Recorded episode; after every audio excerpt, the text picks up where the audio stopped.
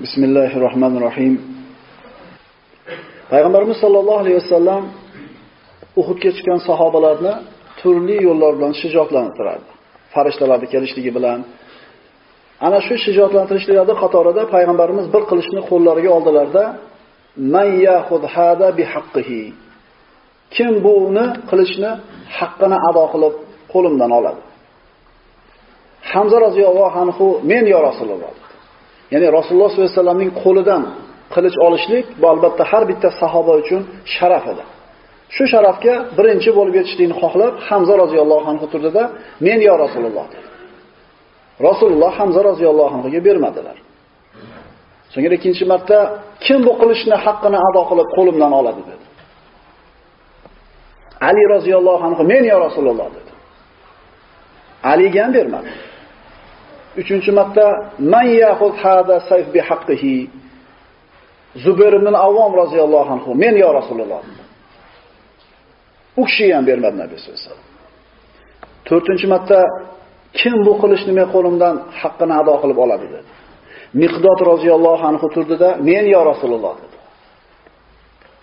Miqdod roziyallohu anhu ham payg'ambarimiz bermadi. Endi shu kishilarga bermasa kimga beradi?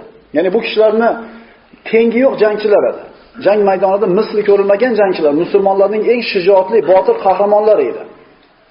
Ya'ni ularni darajasini bilishlik uchun Umar ibn Xattob roziyallohu anhu keyingi davrlarda Amr ibn Os roziyallohu anhu Misrda jang olib borayotganda u kishiga madad jo'natadi, qo'shin. Jo'natib aytadiki, men sizga 8000 kishilik qo'shin jo'natyapman dedi. Qo'shin o'zi 4000, lekin bu 4000 ning ustida 4 ta odam bor, har bittasi mingtaga tatiydi dedi.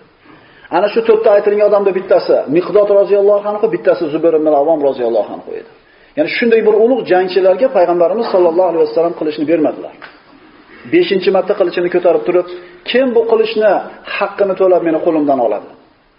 Shunda ansorlardan Abu Dujona Sammok ibn Harasha roziyallohu anhu, "Ya Rasululloh, bu qilishni haqqi nima deb so'radi. Rasululloh shu savolni kutgandilar. Chunki yuqorida men deb turgan to'rtala sahobalardan birortasi ham haqqi nima deb so'ramagan edi. Abu Dujona bu qilishni haqqi nima yo Rasululloh deb so'radi. Shunda Nabiy sollallohu alayhi vasallam bu qilish bilan dushmanlarga bir zarba berishlik, ularni boshlariga urib qiyshayib ketkichli jang qilishlik dedi. Men olaman unda Rasululloh dedi. Payg'ambarimiz sollallohu alayhi vasallam Abu Dujona roziyallohu anhuga qilishni berdi va Abu Dujonaning quvonchini cheki yo'q edi. Chunki bir u kishi uchun bir sharaf bo'ldi. Rasululloh sollallohu alayhi vasallamning qo'lidan qilich oldi. Xursandchiligi bir qattiq bo'lganligidan bir parcha qizil latani oldida peshonasiga baylab, otini minib, otini bir kishnatib, ikkita oyog'iga turgizib, qilichini ko'tarib bir tafoxur, faxrlanishni boshladi. Chunki boshqa sahobalarga, ulug' sahobalarga bermagan qilish berildi. Xursandchiligini mana shunday nishonlanayotganda payg'ambarimiz ko'rib kuldilarda, bunday kirilishlik, bunday faxrlanishlik Alloh va Rasulini g'azablantiradi. Faqatgina bu o'rinda emasdi. Ya'ni kofirlarning oldida, dushmanlarning oldida mana shunday bir quvvatini ko'rsatib faxrlanishlik bu karih emas. Payg'ambarimiz sollallohu alayhi vasallam qo'shinni mana o'tgan darsda aytdik, Uhud tog'iga orqa tomonni qilib joylashtirdi. Musulmonlarning qo'shinini orqa tomonida Uhud, orqa tomonni himoya qilib turibdi, oldida Madina. Mushriklar musulmonlarning ro'parasiga turishlikdan boshqa chora topishmadi. Musulmonlar orqa tomonni himoyalagan bo'ldi, lekin ana shu maydonga musulmonlar turgan joydan uzoqroq bir joyda bir kichkinagina tepalik bor edi. Rumot deyiladi hozirgi kunda mana. Ana shu kichkinagina tepalikni kim egallasa jang maydonini idora qilish imkoniyati bor edi. Payg'ambarimiz sollallohu alayhi vasallam shu joyga Abdulloh ibn Jubayr boshlik 50 ta mergan kamonchilarni joylashtirib, ularga musulmonlarni himoya qilib turishini buyurdi. Ularga berilgan vazifa quyidagicha edi. Orqadan aylanib o'tmoqchi bo'lgan mushriklarni qaytarishlik, ikkinchi vazifasi jang asnosida mushriklar tomonga o'q otib, ularga zarba berib turishlik.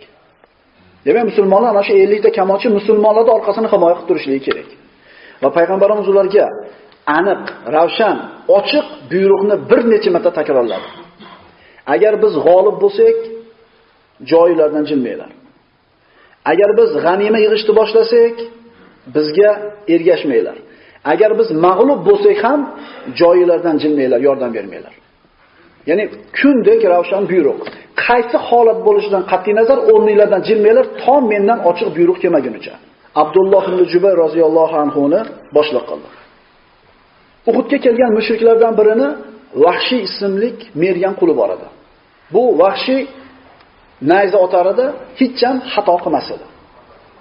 U jang maydoniga bitta maqsad bilan kelgan edi. Uning sayyidi ba'zi rivoyatlar mana Hind deyiladi.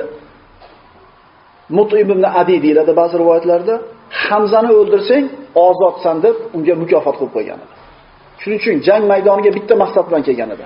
Hamza ibn Abdul Muttolibni qatl qilsa ozod bo'ladi. Boshqa maqsadi, boshqa niyati yo'q edi. Musulmonlar joylashdi, romotlarni o'rniga qo'ydi 50 ta kamonchini, mushriklar keldi. Abu Omir Abu Omir ismli kishi Madinada yashar edi. Payg'ambarimiz sollallohu alayhi vasallam Madinai Munawvaraga hijrat qilib kelmasidan avval Avs va Hazraj qabilasi bu kishini o'zlariga podshoh qilishlikka ittifoq turishgan edi. Hatto ba'zi odamlar ittifoqqa kelishib qolsak, shu podshoh bo'ladi baribir ustimizda deb toj tayyorlayotgan edi unga. Endi hijrat bo'ldi. Nabiy sollallohu alayhi vasallam Madinaga keldilar. Madinaning hukmi payg'ambarimizning qo'liga o'tib ketdi. Mulkdan hukmdan mahrum bo'lib qolgan Abu Omir buni rohib derdi kofirlar. Payg'ambarimiz uni fosiq degan edi, Shomga ketib qolgan edi. Endi Qurayshni Madinaga hujum qilib kelayotganligini bilib, ularni qo'shini qatorida qatnashish uchun kelgan edi. O'zi bilan bir to'p jamoani olib, Uhud maydonini kavlashni boshladi. Katta-katta chuqurlarni kavladi. Chunki ehtimol musulmonlar shunga tushib bir jarohat yer yoki musulmonlarga bir zarar yetadigan maqsadda. Abu Omir payg'ambarimiz bilan birga turgan Avs va Hazrat qabilasidan bo'lgan ansorlarga Men oldimga kelinglar. Men sizlarni sayyidingizman. Men sizlarga yordam beraman. Kim bo'lib sizlarga Muhammad deb ularni o'z tomoniga og'dirmoqchi bo'lganida Avs va Hazraj qabilasi Madinaliklar ovozini o'chir, Allohning dushmani.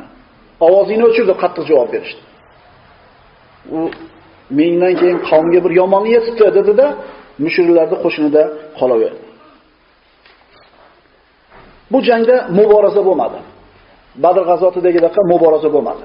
Birdaniga hujum boshlandi. U davrdagi jangning tariqasi, uslubi shunaqa ediki, ikkala qo'shinda bayroq bor.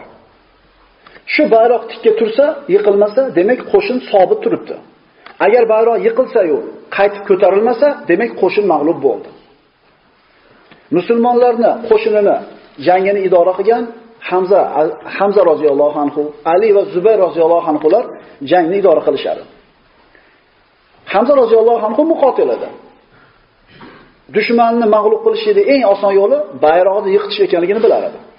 Shuning uchun ikki qo'shin to'qnashligi bilan Hamza roziyallohu anhu bir qancha sahobalar yig'dida o'zini kichkina jamoasi bilan mushriklarni bayroqdoriga shuna yetib bordida, o'ngga choppa choq turib, bir urib jangda avvalida bayroqdorni yiqitib qo'ydi. Bayroq mushriklarning bayrog'i. Banu Abduddor urug'ini ishiydi ko'tarishlik. Quroshdagi sharaflar bo'lingan. Kisvani yopishlik falonchining ishi, urush chodirini tikishlik falonchining ishi, bayroqni ushlashlik Banu Abduddor urug'ining ishi edi. Abu Sufyan jang avvalida kelib, Banu Abduddor urug'iga qarab, "Ey Banu Abduddor, Badr kuni ham bayroq siladi qo'linglar" dedi. Yiqildi, qaytib turmadi. Agar bugun ham yiqitib qo'yadigan bo'lsanglar, avvaldan bayroqni bizga berib qo'yinglar dedi. Abduddor qasamlar ichishib, va'dalarni berib, bayroqni o'zlariga olib qolishdi. Mana endi Abduddor urug'idan bo'lgan Abu Talhaning birinchi o'g'li Hamzani qo'lidan qatl qilindi. Abu Talhani Abduddor urug'idan bo'lgan Abu talhani oltita o'g'li bor edi. Bayroq yiqildi. Mushriklar nima qilishini bilmay qoldi. Jangda boshida bismillah yiqildi bayroq. Abu Talhan ikkinchi o'g'li bayroqni ko'tardi. Hamza yonida turganida ikkinchi marta ham uni chopib qatl qildi. Mushriklar nima qilishini bilmay qoldi, chunki avvalida bayroqni qilyapti. Hamma kuchini Hamzani bayroqdordan haydashlikka sarf qilib, Hamza roziyallohu anhu uzoqlashtirishlikka imkon topishdi. Bu vaqtda Abu Talhaning 3-o'g'li kelib bayroqni ko'tardi. 3-marta ko'tarildi. Mushriklar Hamza roziyallohu anhu va uning jamoasi bilan ovora bo'lib turganda, boshqa tomondan Ali roziyallohu anhu keldida, bayroqdorni 3-chi marta qatl qilib qo'ydi. Bayroq 3-chi marta yiqildi. Abu Talhani 4-o'g'li keldi, bayroqni ko'tardi. Ali roziyallohu anhu ketmagan edi, 4-marta ko'targanda ham qatl qildi. Ali roziyallohu anhu surib ketishdi. Bayroqni Abu Talhaning 5-o'g'li ko'tardi.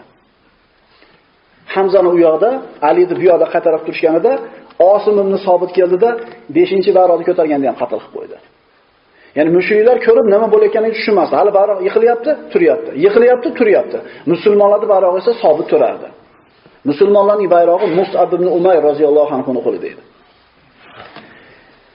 Abu Talhaning 5-o'g'lini Osim qatl qilayotganda mana shu qatl bo'lgan aka-ukalarning singlisi Surafa Sulofa 5-akasini Osim qatl qilayotganini ko'rdida, avvalgilarini ham Osim qatl qildi degan xayolga bordi. 5-marta bayroq qildi, 6-o'g'li bayroqni ko'tardi. Osim uni ham qatl qildi. 5-chi, 6-o'g'ilda Osimning sobit qatl qilganini ko'rib turib, Sulofa aytdiki, "Man ya'tini bi rosi Asim." Kim menga Osimni boshini olib kelib beradi? Ashrobu min jumjumatil xamr va amra'u ra'sahu zahaban. Uni jumjumasida aroq ichib, ichini oltinga to'ldirib beraman dedi.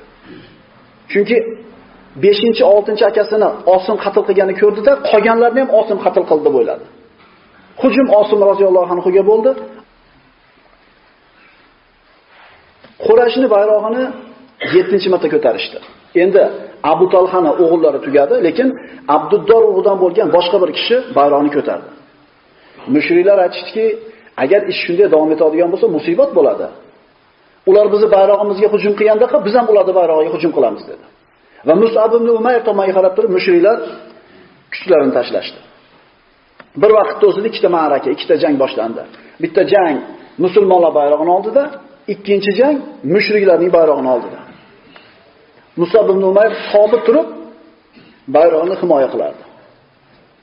Hamza, Ali va Osim roziyallohu anhulardan iborat ana shu jamoa hujum qilib kelib, 7-marta ko'targan kishini ham qatl qilishdi. Musulmonlar bayrog'i turardi, mushriklar dahshatga tushdi. Bayroqlar oldida jang bo'layotgandek, boshqa joylarda ham janglar davom etar edi. Payg'ambarimiz sollallohu alayhi vasallam Sa'd ibn Abi Waqqas roziyallohu anhu oldida turardilar. Sa'd ibn Abi Waqqas nohaqda mohir mergan edi. Har otgan o'qi yo bir mushrikni yer tishlatar edi, yo jarohatlardi, yo yer yiqitar edi. Bunday bir mohirlikni, mergandagi mohirlikni ko'rib payg'ambarimiz quvonib, "Oting Esat, oting ota-onam sizga fido bo'lsin" dedi. Bi abi anta va ummi irmi ya Asad. Sa'd ibn Waqqas aytadi, Rasululloh hech kimga ota-onasini jamlab fido qilgan emas, faqat menga deydi. Uhudda shahid bo'lganlardan Hanzal ibn Omir roziyallohu anhu, g'osilul malaika. Bu kishi Payg'ambarimiz sollallohu alayhi vasallam g'azotga chaqirganida shoshilib chiqib ketadida, g'usul qilmasdan junub holatda chiqib ketgan bo'ladi. Jangda shahid bo'ladi. Jangdan keyin payg'ambarimiz sollallohu alayhi vasallam sahobalar bilan borishganida ana shu bir shahid bo'lib yotgan jussasini ustida suv tomchilari oqayotgani bo'ladi. Payg'ambarimiz aytadilar, uni farishtalar g'usul qildiryapti deydi. Farishtalar g'usul qildiryapti deydi. So'ngra shunday yuzini yonboshga buradi Nabiy sollallohu alayhi vasallam. Ya Rasululloh nima unday qildi deganda, hozir uni boshiga ikkita xurayni kelib o'tirdi deydi. U kuni shahid bo'lganlardan Muhayriq ismli yahudi. Yahudi edi. Nabiy sollallohu alayhi vasallam juma namozidan keyin tarbiyalik qildi, chiqdi, shanba kuni Uhud g'azoti bo'lgan edi. Mana shu Muhayriqni Alloh taolo qalbiga iymon berdi shu kunda.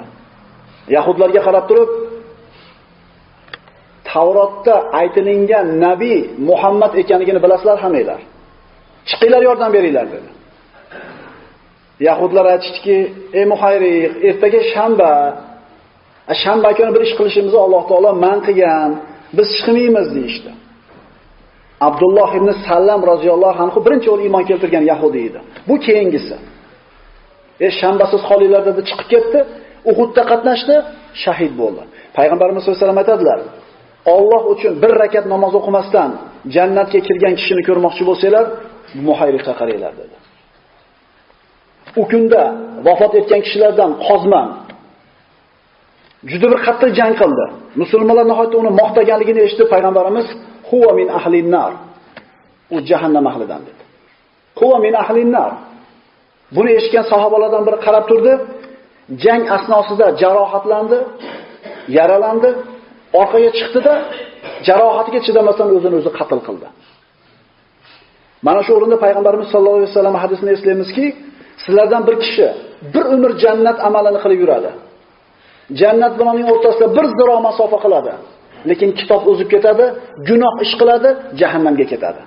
Musulmonlar qatorida chiquvdi, lekin oxirida sabr qilmadi, Allohning rahmatidan noumid bo'ldi, besabrlik qildi, jahannamga ketdi. Endi muhayriq bir umr jahannam amalini qilib yurgan odamlardan edi. Zalolatda edi. Lekin kitob o'zib ketdi, umrining oxirida iymon keltirdi, musulmonlar bilan chiqib jangda shahid bo'ldi.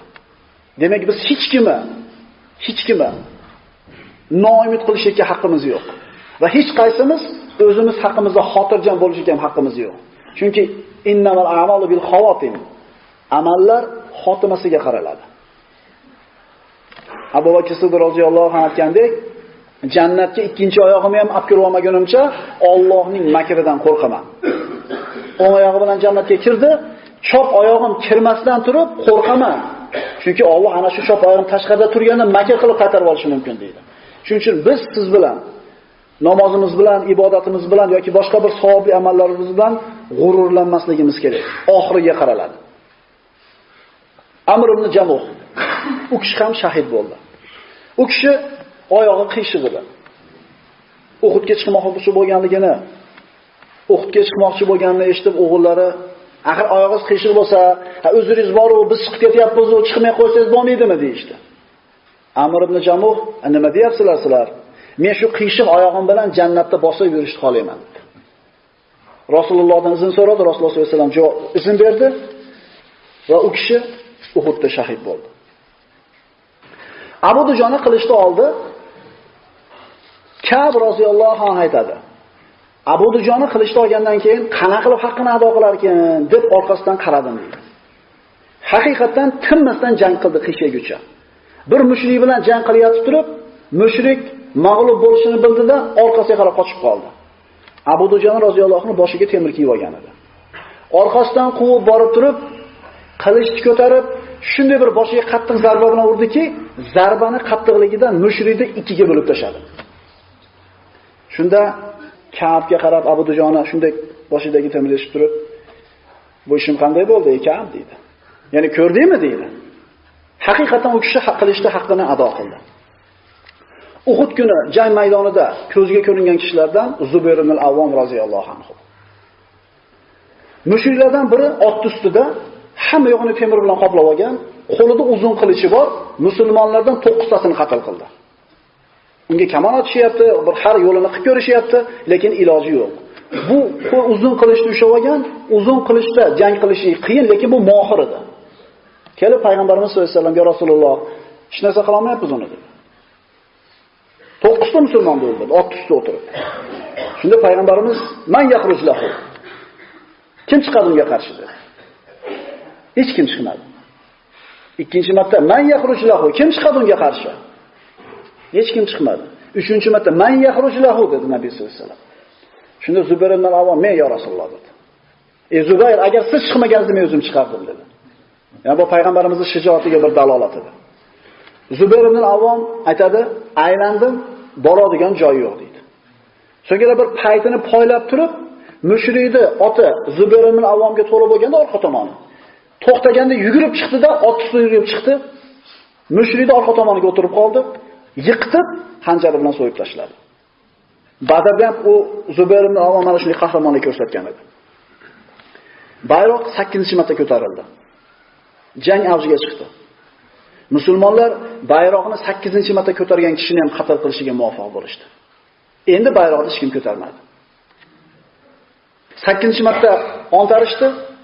Mushriklardan e, Abduddor oilasidan bo'lgan Savod ismli kishi 9-marta bayroqni ko'tardi. Birodarlar 9 marta bayroqni yiqitishgan mushriklar, musulmonlar. Uni ham qatl qilishganidan keyin bayroqni birov ko'tarmadi. Mana aytdik darsimiz avvalida bayroq tikka turibdimi? Qo'shin jang davom etkazavergan. Bayroq yiqilib qaytib tikka turmadimi? Demak qo'shin mag'lub bo'ldi. Adadi qancha bo'lsa ham. 9-marta Savod ismli kishi bayroqni ko'tardi, sahobalar uni ham qatl qilishdi. Mushriklar mag'lub bo'lganini ko'rib qochishdi. Shu bilan jang tugadi birodarlar. Payg'ambarimiz sollallohu alayhi vasallam sahobalarga aytgan edi, agar sabr bo'lsanglar, agar sabr bo'lsanglar, Badrda sizlarga Alloh 1000 ta farishtalar bilan yordam bergandek, endi 5000 ta farishtani tushiradi degan edi. Mana endi mag'lubiyat qayerdan boshlandi? G'alaba bo'ldi. Hamma payg'ambarimiz sollallohu alayhi vasallam aytgan ishni qildi. Alloh va rasulining hukmiga osilik qilmadi, g'alaba naq bo'ldi. Endi mag'lubiyat qayerdan boshlandi? Mushriklar qochishni boshladi. Musulmonlar orqasidan qo'yib ketdi, quvib ketdi ular. Orqalarda qolganlari o'ljaladi, yig'ib, xotirjam jang maydoni tamomiy musulmonlarning ixtiyoriga o'tgan. Mushriklar qochyapti, musulmonlar quvib ketyapti. Qolganlari o'lja yig'ib yuribdi. Shunda shu vaqtgacha mushriklarni otliq qo'shinini boshqarib turgan Xolid ibn Valid mushrik edi bu paytda. Musulmonlarni orqa tomonidan aylanib o'tib zarba bermoqchi bo'lgan edi. 3 marta harakat qilgan edi. Lekin Rasululloh qo'ygan boyagi kamonchilar ularni qaytarishiga muvaffaq bo'lib turardi. Ana shu kamonchilar o'rnida turganda jang davomida Xolid ibn Valid aralash olmasdan turdi. Bu kamonchilar mushriklarda qochganini ko'rib, o'ljalardan qolmaylik degan maqsadda pastga qarab yurib qolishdi. Payg'ambarimiz ochiq, oydin, ravshan buyruqni bergan edi. Qanday holat bo'lsa ham o'rnidan jilmaysizlar, mendan buyruq kelmagunicha. Ularning boshlig'i Ibn Jubayr qayerga ketyapsizlar? Rasululloh turinglar demaganmidi? Jilmanglar dedi. Ular aytishdiki, "Ey Ibn Jubayr, Rasululloh jang bo'layotganda jilmay turinglar" degan. Jang tugadi. To'xtanglar, qayoqqa deyishiga qaramadida, hammasi tushib ketdi. Abdulloh ibn Jubayr bilan faqatgina 2 dona sahoba qoldi. Buni poylab turgan Xolid ibn Valid kamonchilar tog'dan tushib ketgandan keyin oldidagi to'siq yo'q bo'lganligini ko'rdida, qo'shinini 4-marta boshladi. Endi u tog'ni kichkina tog'da aylanib o'tishmas, tog'ning ustiga chiqdi oti bilan. Butun boshli otliq qo'shinni oldida 3 ta odam nima qila oladi? Chiqdi, ana shu joyda turgan 3 ta sahobani qatl qildi, musulmonlarni orqa tomoniga o'tdi. Musulmonlar mushriklar temir kiygan, bir-birini tanishavermaydi. Bir to'p musulmonlar oldiga haydab ketyapti, ikkinchi musulmonlar o'ljan terib yuribdi, orqadan kutilmaganda Xolid ibn Valid zarba berdi. Musulmonlarning qo'shinning o'rtasida parokandalik, favzo boshlandi. Mushriklarning qo'shinida favzo, musulmonlarda favzo, parokandalik bitta tartib bilan jang qilayotgan Xolid ibn Valid edi.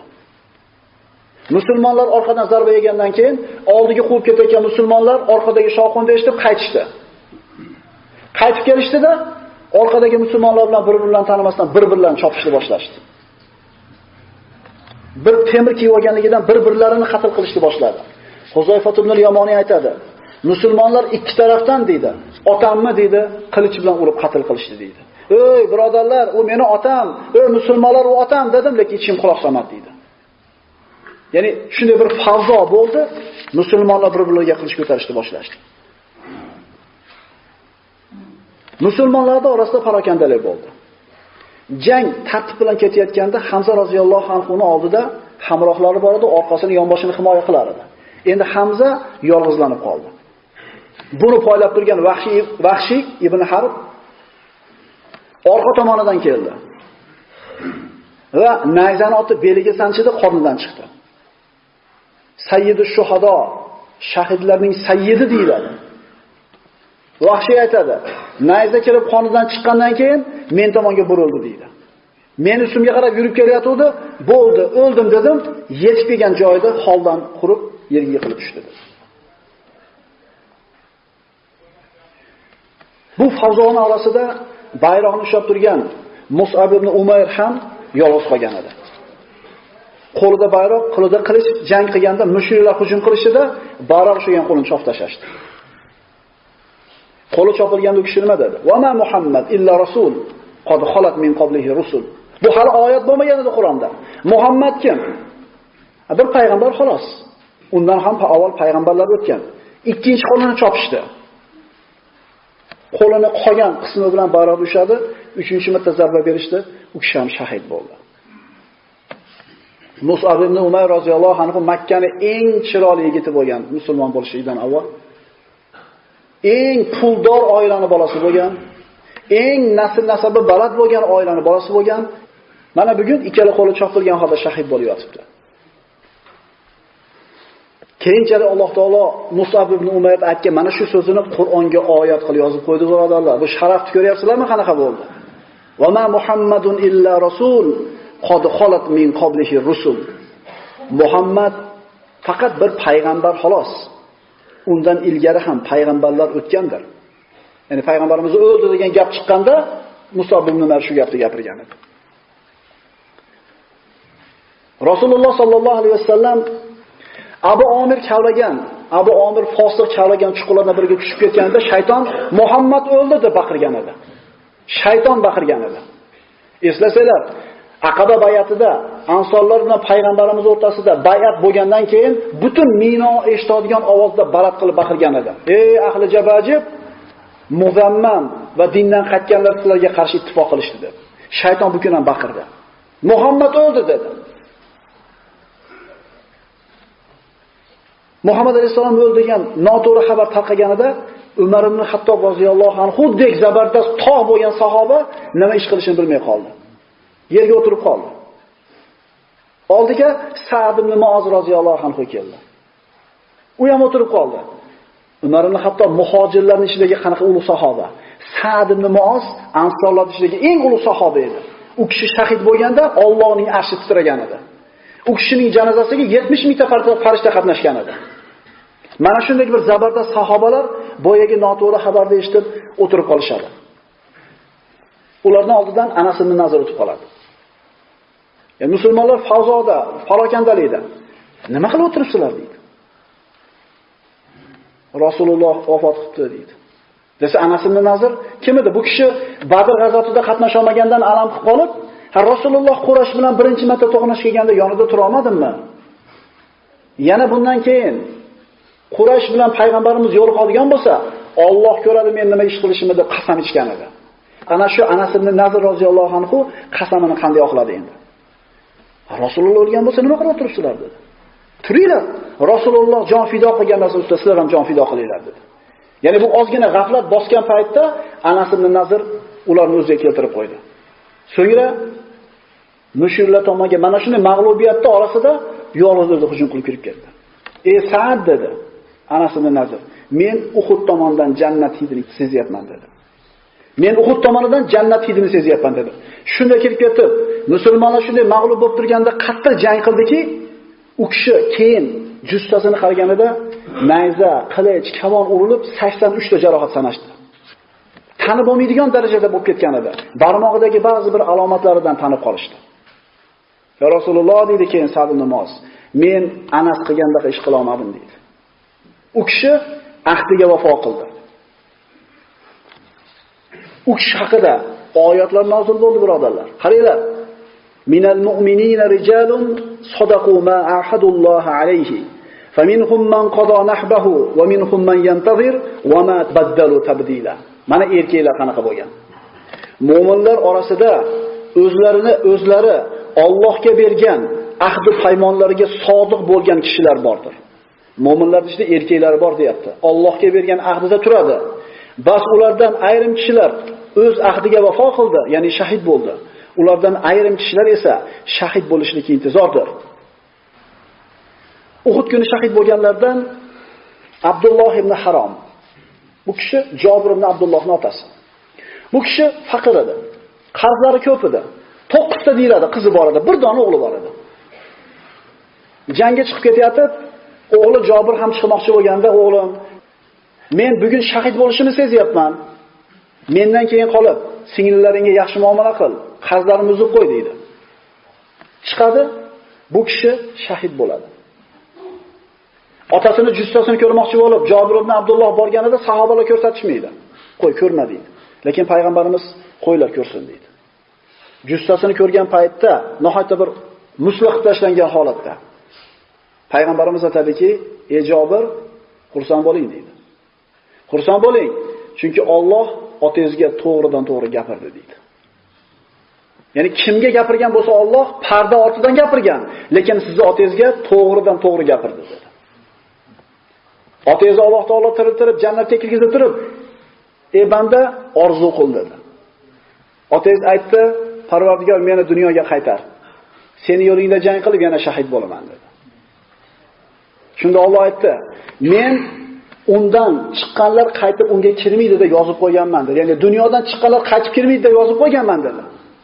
Otangiz aytdi, Parvardigor unday bo'lsa, men topgan saodatni, men topgan saodatni birodarlarimga xabarni ber dedi. Alloh taolo Qur'onda oyatlar nozil qilib, Abdulloh ibn Haromni xabarini farzandiga va sahobalarga yetkazdi. ولا تحسبن الذين قتلوا في سبيل الله امواتا bal ahyaun inda robbihim yurzaqun Alloh yo'lidagi jangda o'ldirilgan zotlarni hargiz o'liklar deb o'ylamang. Yo'q, ular tiriklardir. Farihina bima atahumullohu min fadlihi va yastabshiruna billadina lam yalhaqu bihim min xalfihim alla xawfun alayhim va lahum yahzamun. U zotlar Alloh o'z fazli karami bilan bergan ne'matlaridan xushnud hollarida bahramand bo'lmoqdalar va hali ortlaridan yetib kelmagan birodarlariga hech qanday xavf va xatar yo'qligi va g'amgin bo'lmasliklari haqida xushxabar bermoqdalar. Jannatdan Abdulloh ibn Haromni so'zini Alloh taolo sahobalarga siz bilan bizga yetkazyapti. Musab ibn Umayr qo'lidagi bayroq tushdi. Mushriklarning bayrog'i tushdi. Ikkala bayroq ham tushdi. Ikkala qo'shin ham mag'lub bo'ldi.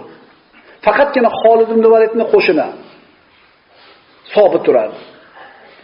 Mana shunday qiyin holatda musulmonlarning bayrog'ini, musulmonlarning qahramonlaridan bo'lgan, bahodirlardan bo'lgan bir kishi bayrog'ini ko'tardi. Ali ibn Abi Talib. Mushriklarning bayrog'ini esa Banu Abduddor urug'idan bo'lgan Amro binti Alqama ismli ayol ko'tardi. Yana ikkita bayroq ko'tarildi, yana ikkita qo'shin o'zini bayrog'ini atrofida jamlana boshladi. Musulmonlar nihoyatda bir parokandalik holatda har tomondan ularga zarba berilardi. Nabiy sollallohu alayhi vasallam chuqur yiqilib tushgan edi. Payg'ambarimiz men Rasulullohman, meni oldimga kelinglar, meni oldimga kelinglar deb sahobalarni o'ziga chaqirdi. Bu juda xatarli edi bu chaqiriq. Chunki har qanday mushrik payg'ambarimizga qayerdaligini bilib, kelib hujum qilishi mumkin edi. Shunda payg'ambarimiz oldiga bir qancha sahobalar to'plandi. Abu Bakr, Abdurrahmon ibn Auf, Abu Dujona, Talhat ibn Ubaydulloh va 7 ansoriy. Nusayba ismli bir ayol ham payg'ambarimiz yonida jang qiladi. Payg'ambarimiz boyaga chaqirig'ini kofirlardan Ibn Ummi Qomiya ismli kishi eshitdi. Rasululloh sollallohu alayhi vasallam oldiga keldida payg'ambarimiz chuqurdan chiqib kelayotganini ko'rib turib, qilichini ko'tarib qattiq zarba bilan yelkasiga urdi. Rasululloh zarbani qattiqligidan chuqurga tushib ketdi. Lekin sovutni ikki qavat kiyib olganligi yelkasini saqlanib qolishiga sabab bo'ldi. So'ngra ustiga yurib tushdi. Qilichini ko'tarib ikkinchi marta boshiga urdi. Payg'ambarimiz sollallohu alayhi vasallam muborak boshlariga dubulg'a kiyib olgan edi. Ana shu qilich tegib, o'yilib payg'ambarimiz sollallohu alayhi vasallam boshiga sanchilib qolgan edi. Uchinchi marta Ibn Ummi Qomiya yerdan katta bir tosh toptirib payg'ambarimizning muborak yuzlariga urdi. Rasululloh sollallohu alayhi vasallamning tishlari sindi, og'izlari qonga to'ldi. Nima sababdan? Musulmonlar Alloh va Rasulining hukmiga xilof ish qilganligidan. Ma asoba min musibatin fa bima kasabat aydikum va ya'fu an kaseer. Boshingizlarga nima musibat kelsa, o'zingizlar qilgan